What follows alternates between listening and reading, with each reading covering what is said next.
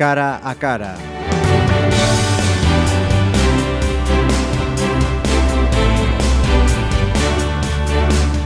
Saúdos, entramos nun cara a cara cun nombre sinalado nas artes eh, desta cidade, nas artes eh, galegas e tamén eh, no panorama nacional eh, e incluso o, o internacional. E senón, o pode desmentir o, o convidado. Manuel Moldes, benvido.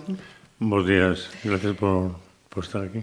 Eh, ata o 17 de setembro está aberta a exposición Pontevedra Suite no sexto edificio do Museo de, de Pontevedra casi eh, medio centenar de obras feita na década dos, dos 80 eh, Ata lo de agora, Manuel, como, como están a ser eh, os comentarios que, que recibes desta, desta mostra? Pois eh, a verdad que que moi moi contento porque realmente está ten unha acollida alegre, forte e, eh, e eh, abundante, digamos, de, de cidadáns que a visitan, ¿no? Uh -huh. eh, bueno, en concreto o día da inauguración, pois pues, quedei moi sorprendido porque realmente había pois pues, cantidad de amigos e eh, bueno, que que aquelo estaba estaba cheo, o cual pois pues, me, me me sentín incluso emocionado na, na medida da, da resposta que, que se estaba a dar non? por parte uh -huh. de, de toda a xente do, do lugar, da cidade. E, eh, efectivamente, pois, pues, é unha exposición que titulase Pontevedra Sui por, porque corresponde a unha etapa que, que os temas que trataba unas nos meus cadros pois facían referencia a análises eh, comportamentos, a recordos míos de infancia daqui do, da cidade. A min gustame falar de máis que da cidade, quizás do lugar, no sentido de que, bueno, Pontevedra é unha vila con seu un canto, pero bueno, que vivimos tamén en Galiza ao mesmo tempo e, e bueno, que estamos inmersos no, no discurso e no transcurrido tempo de mm, tempo difícil e tempo complexo tanto para, para os cidadáns, para, para a propia identificación do, do país, en fin, creo que a exposición eh, estou moi contento con ela. Nunca se tivera ocasión de ver xuntas todas estas obras porque corresponden a unha etapa eh, moi prolífica súa e porque tamén eh, naquel momento o mercado era eh, máis boiante e enseguida se, se mercaban os cadros. Dun lado, eh, que pasaba na vida de, de Manuel Moldes para que esa década, mm, según decía, eh, fora tan, tan creativa e, e productiva? Bueno, eu en ese momento pois, pues, eh, era máis novo creo recordar que tiña pois pues, alrededor dos 33, 35 e eh, bueno, é unha etapa no que que en esa edad xa, realmente estaba xa moi, vamos, entregado completamente á pintura, por suposto, e entonces tiña intención e ganas en, de dar de si sí, pois o que eu pensaba que podía facer, non? E, bueno, eh, foi unha etapa que realmente coincidiu en que a pintura non só en Galicia, sino a nivel de España en xeral, pois eh, a nivel mundial pois colleu outra vez primer plano dentro do do do tenderete este que é o mundo do arte, non? E entonces pois coincidiu e eh, estaba eh, tanto eu como compañeiros de, de da pintura eh, estábamos todo o mundo moi moi entusiasmados co feito de eh, o interés que había en general por o feito pictórico, non? Daí, pois, que quizá sea que eso entre a xuventú que tiña un e, e que o medio pois estaba moi receptivo, pois daba pé a, a que os cadros salíran con, con moito máis uh -huh. enerxía e máis facilidade, se acaso. Non? Um... E ao mesmo tempo que decías, de, pois entramos, bueno, eu, en eses anos empece, empezamos a vender todos, porque eu empecé a vender cadros realmente no ano 1985 nunha exposición que fixen en Madrid, na Galería de Durne, uh -huh. eh, que logo, pois, pues, bueno, eh, a, a raíz desa exposición, pois, eh, estuve no Salón dos 16, no quinto Salón dos 16, que organizado o Diario 16 daquela, que era un uh -huh. pouco un, un panorama do, das, eh, un crítico do, que traballaba no diario, Miguel Marcos Amoré, un hombre extremeño, pois facía unha selección de do que consideraba as exposicións máis, máis claras ou máis rotundas de, dese de, momento. de, de momento de Madrid, desa temporada, e se facía unha exposición no, no Museo de Arte Contemporáneo. O cual pasaban por aí pois todo, pasou todo pois unha xeración de, de artistas novos que ou non tan novos que que fiximo, vamos, que foi o, o o tronco da pintura española dese momento. Uh -huh. Pero... E, e, do outro lado, eh, seguindo naquel momento, um, aínda que agora fose tan prolífico como nos eh, 80, os compradores de, de arte xa non invirten tanto como, como entón? No, no, por suposto que non. É dicir que, eh, por lo menos, eh, non se... Eh, no mundo do arte o mercado é unha cousa e eh, o arte penso que é outra cousa, non? Eh, efectivamente, en esos anos 85 largos, pois hubo unha eclosión económica forte, entonces no mundo do arte funcionaba e andaba, circulaba moito, moito carto, non? Pero despois, cando agora últimamente chegou a crisis e demais, pois realmente os cartos desapareceron do mundo do arte. O menos non desapareceron no mundo do arte nos niveles de, digamos, de, eh, de primeira, vamos, dos millonantes do arte, que é outra cousa moi diferente nese circuito en que todo son xa, o arte son bens de, que forman parte da bolsa e cousas así, decir que uh -huh. é outra cousa, non? Eh, eu non entrei nese mundo, non sei se por sorte ou por desgracia, non sei. E iso é eh, o que se refire cando di o tenderete do mundo do sí, arte. Sí, por suposto, uh -huh. de alguna maneira, claro. Uh -huh non, non, é, non é oro todo que reluce e, bueno, pois pois tampouco fora do mercado do arte pois, hai, hai, hai moitas opcións e, e moitos traballos que, que realmente penso que pasarán a historia do arte sin pasar por, por ese tenderete que dicía antes. Uh -huh. eh, falando dos 80, vostede eh, pertence ao Grupo Atlántica, uh -huh E quería que me aclarase unha, unha dúbida. Vostede dixo que se podría escribir unha novela en torno ao círculo crítico que se formou. Eh, grupo crítico en torno ao Grupo Atlántica ou dende o mesmo Grupo Atlántica? Quero recordar que cando fixen esas, vamos, esas, esa aseveración, me refería a un grupo eh, dentro do propio, do propio Atlántica había un grupo como máis pequeno en no que se establecen eh, relacións humanas eh, de amistad, de colegueo, de... Eh, entonces entre todos nos visitábamos os talleres un de outros, eh, discutíamos sobre a, o panorama actual en ese momento do mundo do arte en xeral. Entón éramos moi duros uns con outros e ao mesmo tempo pois se fragou como unha, unha relación entre irmáns que moitas veces que foi moi bonita. Non? Uh -huh. E pues, penso que aí foi onde se generou toda a enerxía que, que tuvo o Grupo Atlántica nas súas exposicións e que fixo que realmente pois, o panorama no panorama nacional a nivel español empezasen a ver para hacia, hacia estas terras do Finisterre. ¿no? Uh -huh. Se empezaron a ver e entonces empezaron a vir pois todas as galerías de Madrid e demais empezaron a tentar a todos a todos nós a tentar, digo, mm. propoñer exposicións, Ajá. propoñer todo, e entonces pois a entrada, digamos, do... en ese momento nadie vendía un cadro. e cando empezaron a chegar todas as galerías, pois moitas veces onde había amistad, pois se, se rompeu e troncou en cuchilladas. Mm, donde hai confianza, ¿no? non? Sí, donde hai confianza non da... Non, como é, non me acordo como. Da asco. bueno, lamentablemente esas cosas forman parte do espírito do home uh eh, -huh. e lamentablemente pois eh, foi así. Uh -huh. Non pasa nada creo que se comete, eh, que cometimos conseguimos eh, un cometido un, o realmente decir que bueno que que non facía falta estar nas grandes metrópoles para poder pintar, para poder esculpir, para plantear respostas dentro do arte, e ese, ese cometido se conseguiu, non? Uh -huh.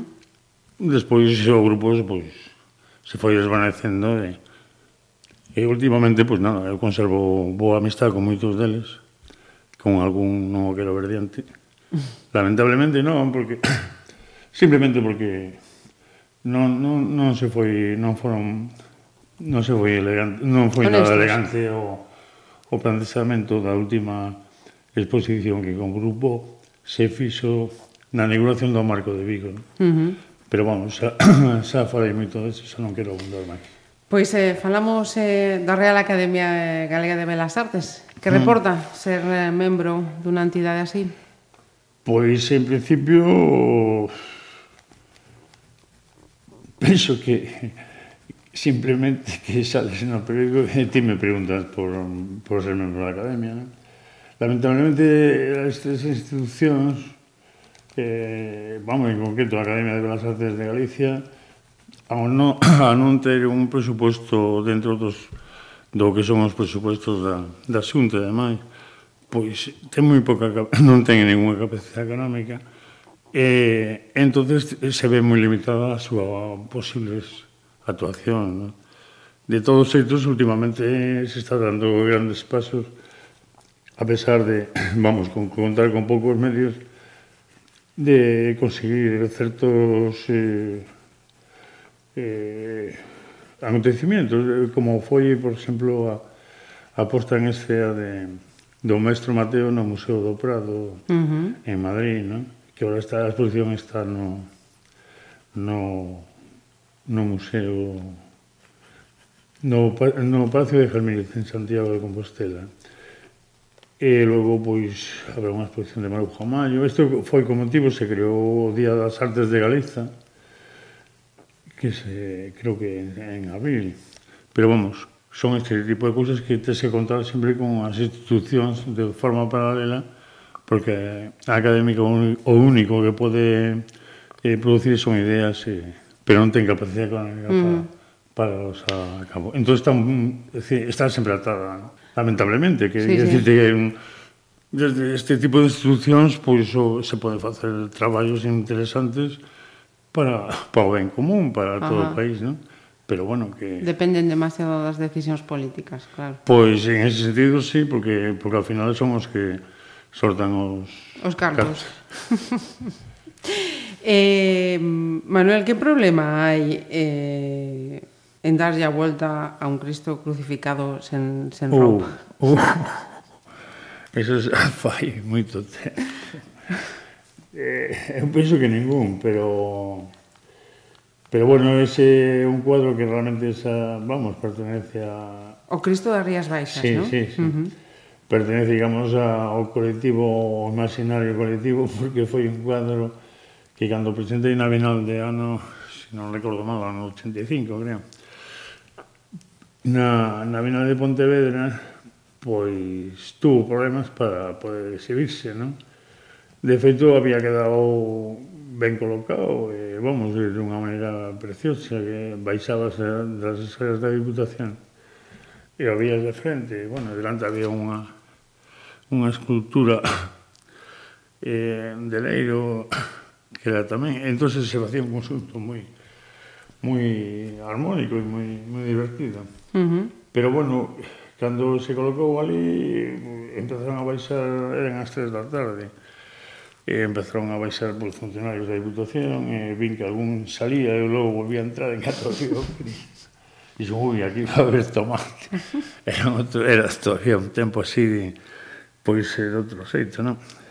Efectivamente, cheguei e eh, dixo, uff, marcho para casa antes que me digan algo. Non?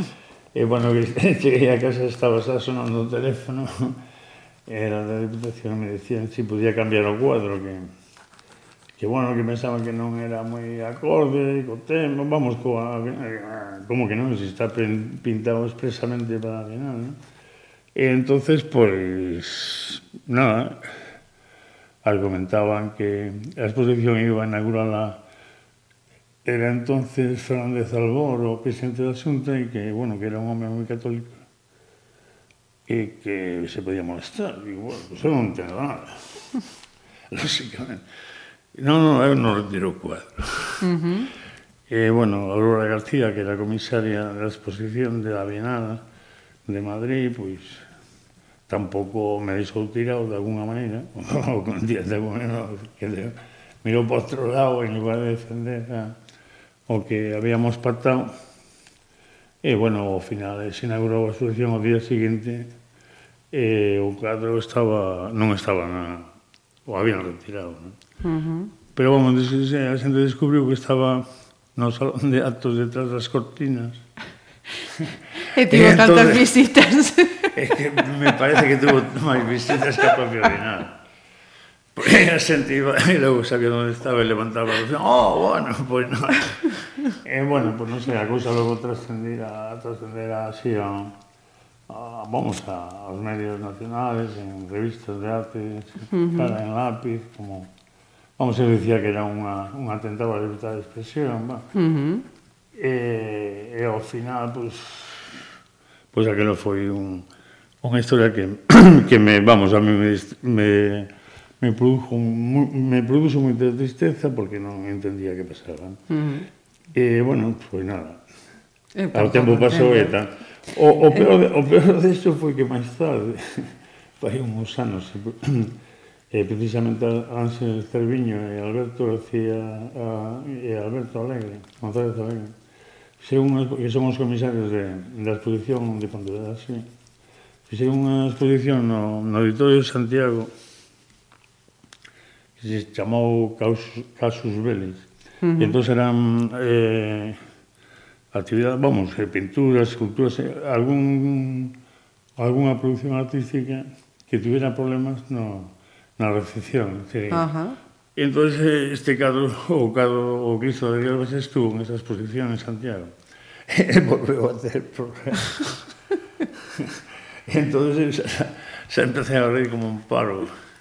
E entonces o alcalde Conde Roa de, mm. de Santiago, e un concellá de Monseñor Barrio, eh, e non sei que, me, vamos, en, e, o obispal na web me poñía a andar, outro no correo, un desastre de carallo, non entendía nada, e bueno, cada un no seu sitio. Uh -huh E o señor Condarúa creo que dimitiu despois. Non por culpa do bicho precisamente. por outro tipo de graza. Eh, é que a día de hoxe do, do Cristo das Rías Baixas, onde está? Eh, eu teño no meu almacén en particular. Sí? sí, sí, claro. Sí, sí, ese cadro é un cadro que, que bueno, está... Eh, eu o teño eu porque tampouco hubo ningún interés por parte... Bueno, si sí, hubo un alemán, un afaiano, que preguntara por él, pero bueno, despois acusa no pasa. Eh, en este en este momento o teño é propiedad propiedade miña e o teño na, uh -huh. no meu almacén. Con máis cadros que se van amontonando, lógicamente, sin problema. Eh, Manuel, máis a lo das das exigencias curriculares, que inculca aos, aos seus alumnos de, de Belas Artes? Home, os rapaces que veñen a, a estudiar Belas Artes A verdade que, que non pinten un Cristo desnudo, supoño. No, eu digo que o teñen complicado porque os tempos que corren Uh -huh. Actualmente para as novas generacións do mundo do arte son complexas e incluso non do mundo do arte, non? Uh -huh. Pero bueno, eh, no, eu, eu trato de, simplemente de pois eh, de inculcar un modo de estar, un modo de, de sentir, un modo de contasear un pouco o que, o que me anda a mí pola cabeza. Eu trato de pasar a aula un pouco, digamos, os problemas que trato de resolver, resolver no meu taller. Né? Bueno, lóxicamente, adaptados a cada disciplina que toque, uh -huh. que toque digamos, comentar. ¿no? Entonces, inquietud, que se pregunten eh, por qué se vive, quién, de onde vimos, de onde vamos, Ese tipo de preguntas eternas que o home non ten solución de momento é que a través do arte creo que se poden intuir certas portas, certos modos de, de dar insinuar, insinuar posibilidades de encontro con, con os compañeros uh -huh. que sean xente curiosa que sean xente curiosa que se preocupen por, por o que pasa no, no mundo científico no mundo de, de outras disciplinas artísticas que o mundo actual é un mundo transversal de inquietud e, e ganas de vivir uh -huh. de, de, de, eh, eh, decía, eh, son momentos complexos sen embargo eh, os, o, os medios de difusión e de expresión uh -huh. que, tienen, eh, que teñen estes eh, rapaces eh, son moito máis amplísimos que os que podría ter pois, pues, sí, de información, sí, sí, claramente, hombre. Eh, o que pasa que xa non sabes que mellor, pero digo eu, eh, non sei. Uh -huh. No, eh, lóxicamente o mundo cambia moito, pois pues, non sei, pois eh, desde que existe internet hai un mundo paralelo, non? E o mundo da información eh, pois pues, incluso chega a ser atoxigante, non? Moitas veces.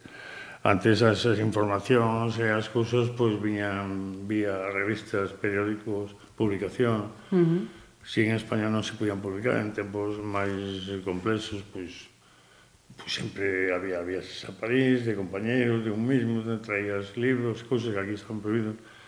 Era outro modo, a, a información circulaba igual, pero de outra maneira, non? En este uh -huh. momento, sin salir da casa, podes saber as exposicións oh. que se están oh. facendo ah, okay. en Nueva York, en, en Pekín, en, en parte do mundo, ¿no? Uh -huh. En ese medido, en esa medida, perdón, eh, a información fluye moito máis. Ora, tamén hai que saber reciclarla, hai que saber, digamos, filtrarla, porque senón uh -huh. pode ser unha locura. Uh -huh. Tremenda, non? Uh -huh. Pero bueno, eh, sí, hai máis, en ese sentido, a cousa cambia muitísimo. Uh -huh. O problema é que, bueno, que cada ano de, da facultade pues, salen 80 ou 90 licenciados en Belas Artes en Pontevedra. Uh -huh en toda España, no recuerdo cantas facultades hay, eh, bueno, eh, eh, pasan a engrosar os, uh -huh. o paro. Non? Estamos sí. o paro, non? Como, como tantas profesións. Eh, en tantas profesións, é dicir, que, que a sociedade, a sociedade actual non absorbe toda, non ten capacidade para absorber, nin, uh -huh. nin interesa, penso que tampouco, absorber toda, todo ese conocimiento novo que, que está que as xentes eh, mozas pois poden eh, impregnar todas as actividades eh, da vida a nivel colectivo, ¿no? Uh -huh. Entón, eh, eh, penso que é un gran fracaso a nivel a nivel humano. Uh -huh. Sí, mm, eh, eso cuadra con unha das máximas que un lin de vostede, eh, que decía, se pensa no coñecemento en termos de rendibilidade económica, cando é o revés, un país se construe a base de coñecemento e a base de compromiso. Home, claro. É que se non, non, non hai modo... Mm. Penso, eh, que coñecemento non, non creo que temos, pero compromiso... Compromiso... A miña opinión cada día... Falta, ¿no? Efectivamente. Por un lado, claro, porque logo... eh, eh, despois que ocurre tamén? Pois, pues, bueno, pois pues, non sei... Eh, o poder eh, ten moitas ganas de marear, non?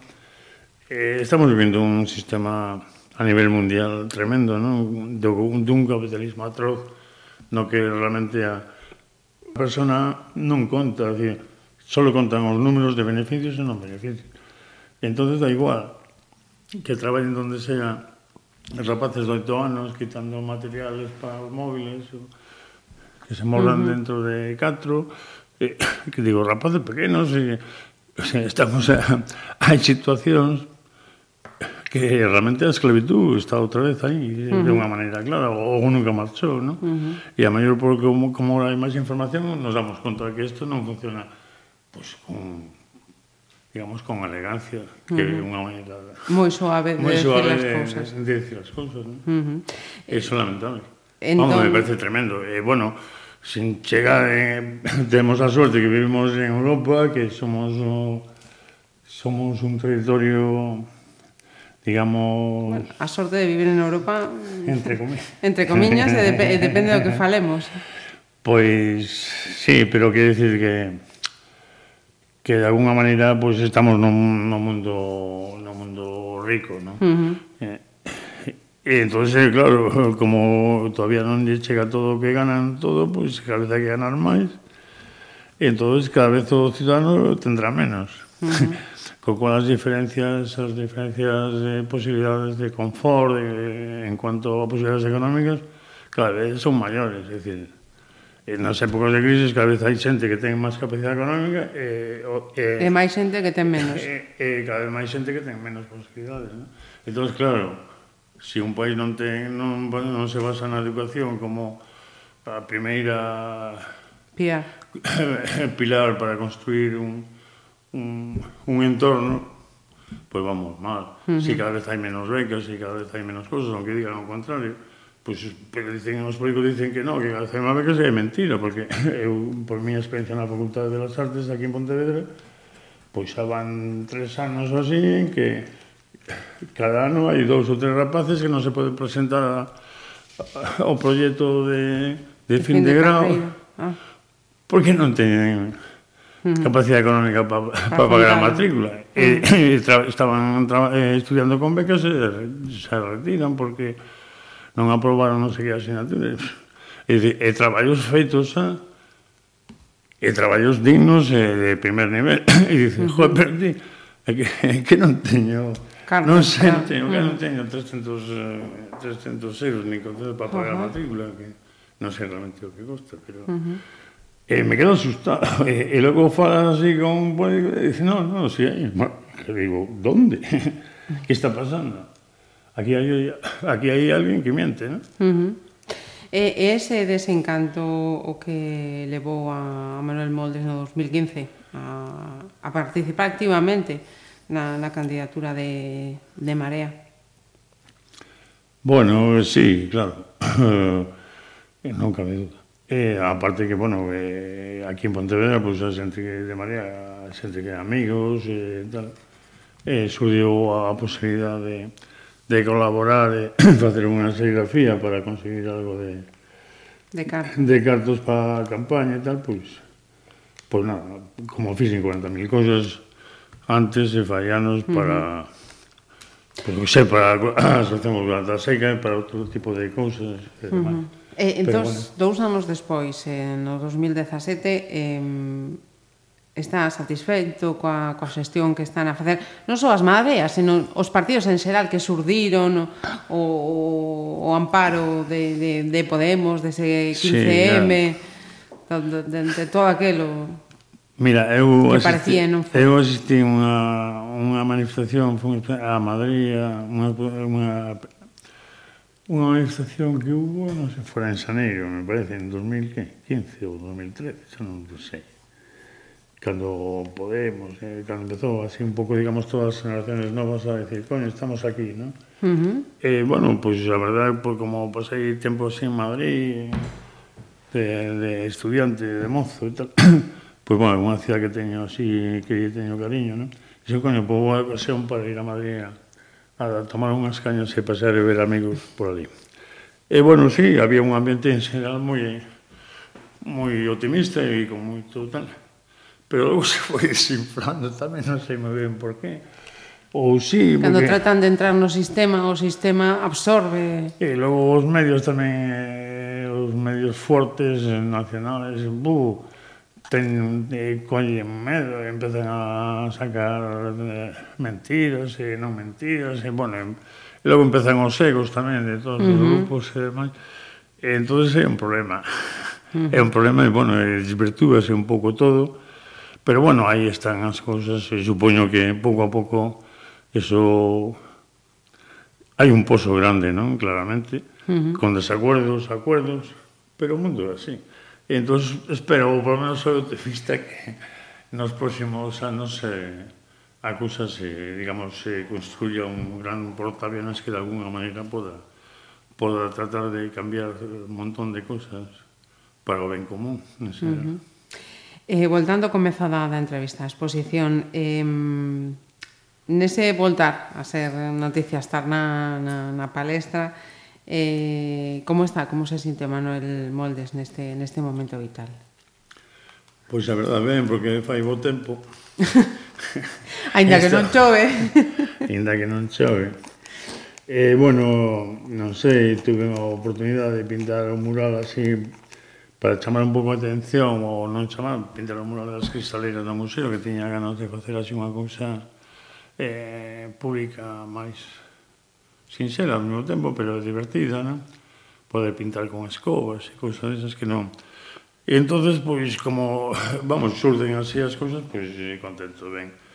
A exposición tamén, a verdad que eh, ver a exposición para min eh, foi importante, sigue, porque ver así todos os cadros que non os había visto todos uns con, con relación a outros, e, eh, eh, creo que collen vida, que están. Uh -huh. Ben inda que xa pasaron por algún tempo. E entón, pois, me vai replantear a miña posición actual en base á pintura cara, cara aos tempos que veñen, non? Non, nada particular, simplemente que este mes, mes e pico, me estou tomando máis de, uh -huh. de digamos, de pouco pintar e, e entón de falar máis consente e demais. E, Uh -huh. Ben, eh, con eh, alegría. De, de falar con xente, em, xa que xa que di, di eso, est, estes cadros eh, teñen eh, aportacións de institucións e eh, de particulares. Eses particulares que mercaron no mm. seu día un cuadro de, de moldes, non sei se si neste tempo de, de exposición voltan e eh, que lle din? Bueno, a maioría, eh, a maioría eh, que me di, bueno, pues mira, outro día en concreto, en, hai unha versión do avó que estuvo que pintei para un padre en Vigo, que foi no ano 83, Ajá. 82. Eh, era un pub que se chamaba Ardora. Entón, eh, foi moi divertido porque Ese cuadro se pintou porque un día me apareceu por, por aquí, por Pontevedra, por o taller, eh, Guillermo Monroy, e que, bueno, que desgraciadamente xa non está con nós, uh -huh. hai tempo era bo amigo e, e dice, bueno, no, que tú? No, é que veño aquí, que veño con este home. Mira, traemos aquí un tableiro, tens que pintar un cuadro. e eu, pero ti, sí, é pompa que se vaya a ver Vigo. Bueno, deixaron o tableiro. E bueno, non sei se cobramos, non sei, 50 euros, non, non me acordo se eran 15. Bueno, pintei o cuadro, levaron o cuadro e... Eh, e se puso ali no, no Padardora con, con máis compañeros eh, así de Atlántico que pintaron todo. E entón, bueno, os cuadros quedaron ali e o repescamos para esa exposición. E un, outro día aí atrás, dando unha volta con Cerviño e pola exposición, pois estaba un home que xa non me acordaba, César, creo que se chama. E se acercou e dice, mira, iso o, o de Ardora. Digo, hombre, bueno, despois de un montón de anos. Uh -huh. E estaba coa muller, cos dos fillos e tal. Estaba máis contento, moi contento co home que tiñamos na casa. E miña filla ao principio, cando era pequena, daba lle medo, pero ora, cando me, me pediste o cadro para a exposición, non quería que marchara da casa. e bueno, esas cousas sempre son... É un membro máis da familia. É un membro máis da familia, o cadro. O cadro forma parte da familia uh -huh. do César, non? Sí, sí. Entón, esas cousas, pues, bueno, para mí, vamos, mm. Uh -huh. para en señal, pois, pues, son, da, son, son, son non te, te deixas así sorprendido e dices, coño, algo, para algo valemos porque está, cada día estou máis convencido que isto de pintar non sirve para nada pero uh -huh. eu teño que pasar o tempo con algo, non? Uh -huh. entón agora non vou cambiar o sea que... e non é capaz de deixar de, de buxar ao longo de, desta de conversa estivo, no. escoitábase a máis e eh, os ointes poden escoitar sí. que estaba co, co lápiz eh, é unha necesidade vital, non, non, non pode... Sí, no, no, eh, cando fago unha entrevista procuro ter un papel con un lápiz porque porque é fundamental ir facendo gravatos e algo, non? Se vai, vas construindo algo. Eh, eh Eu penso que isto da pintura é enfermizo. Eh, eu estou un pouco así enfermiño de pintura, pero bueno, que vamos a facer? Espero non matará nada, nadie, supongo. Seguro ni que, que no. A lo menos se, será de, de, de alegría. Ni que me maten, ni que me maten a mí. Pois pues Manuel Moldes, de verdad, moitísimas grazas por acompañarnos en este programa de Pontevedra Viva Radio. Moitísimas gracias. E gracias a vos por invitar e xa sabedes que, que aquí andamos eh, disposto cando queirades pois nada, para calquer cosa contade comigo. Uh -huh. eh, e gracias a todos os cidadáns que visiten a exposición.